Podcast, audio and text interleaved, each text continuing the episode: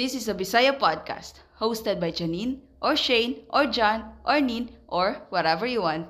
Basta ako. Let's go!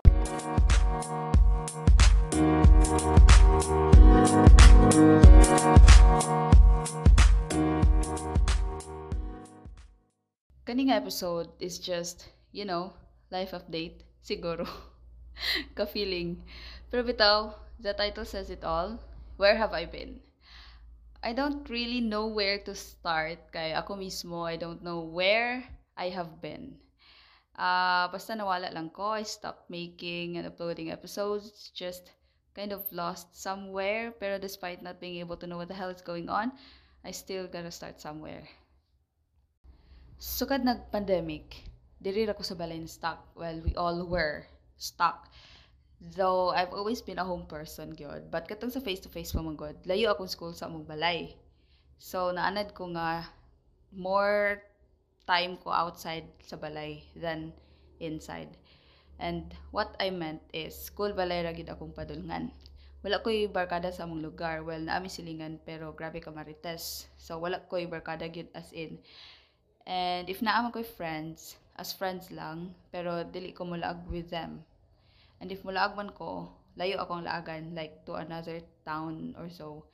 Now, when pandemic happened, I got busy helping manage our family business. Pero gisweldoan gud ko because after all, when you're doing business kinahanglan gid ka mo sweldo, especially if family member nimo.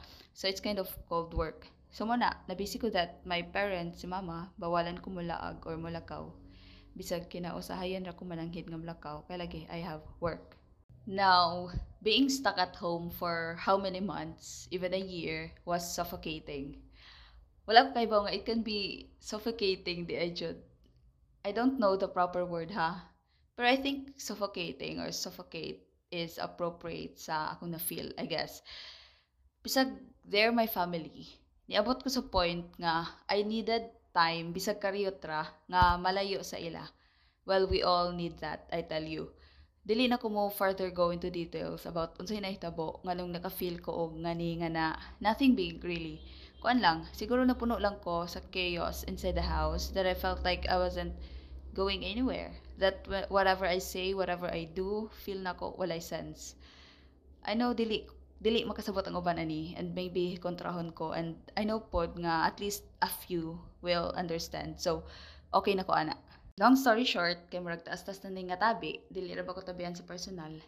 Pero may CPE happened and nalayo ako sa akong family for sa balay for two weeks and that's a long big break. Enough na to for me to let something go and let something new in. So, sa two weeks, finally, I was able to do something different, something new. Dili ra nga I did something new, but I met new people that I can call as my friends there at my age. Well, a year or two young years younger than me or a year older than me. Basta, basta, basta the people I didn't know I needed to meet. The people I kind of share the same dreams with, or not exactly the same dream, but the same goal. And we were all competing that time, but it was more than just a competition for me. It was something else. Because I met and talked to people who share the same stories with me, but felt different pain, or the same pain but different stories. And then I met someone I want to keep in my life for so long. Ug dili na ako siya ikabaylo. Mao to, pre, during, and post CPE, wala ko'y episode uploads and all that. I also needed to detach for a while. Mao na lagi to, CPE happened and then Odette happened after that. So, somewhat.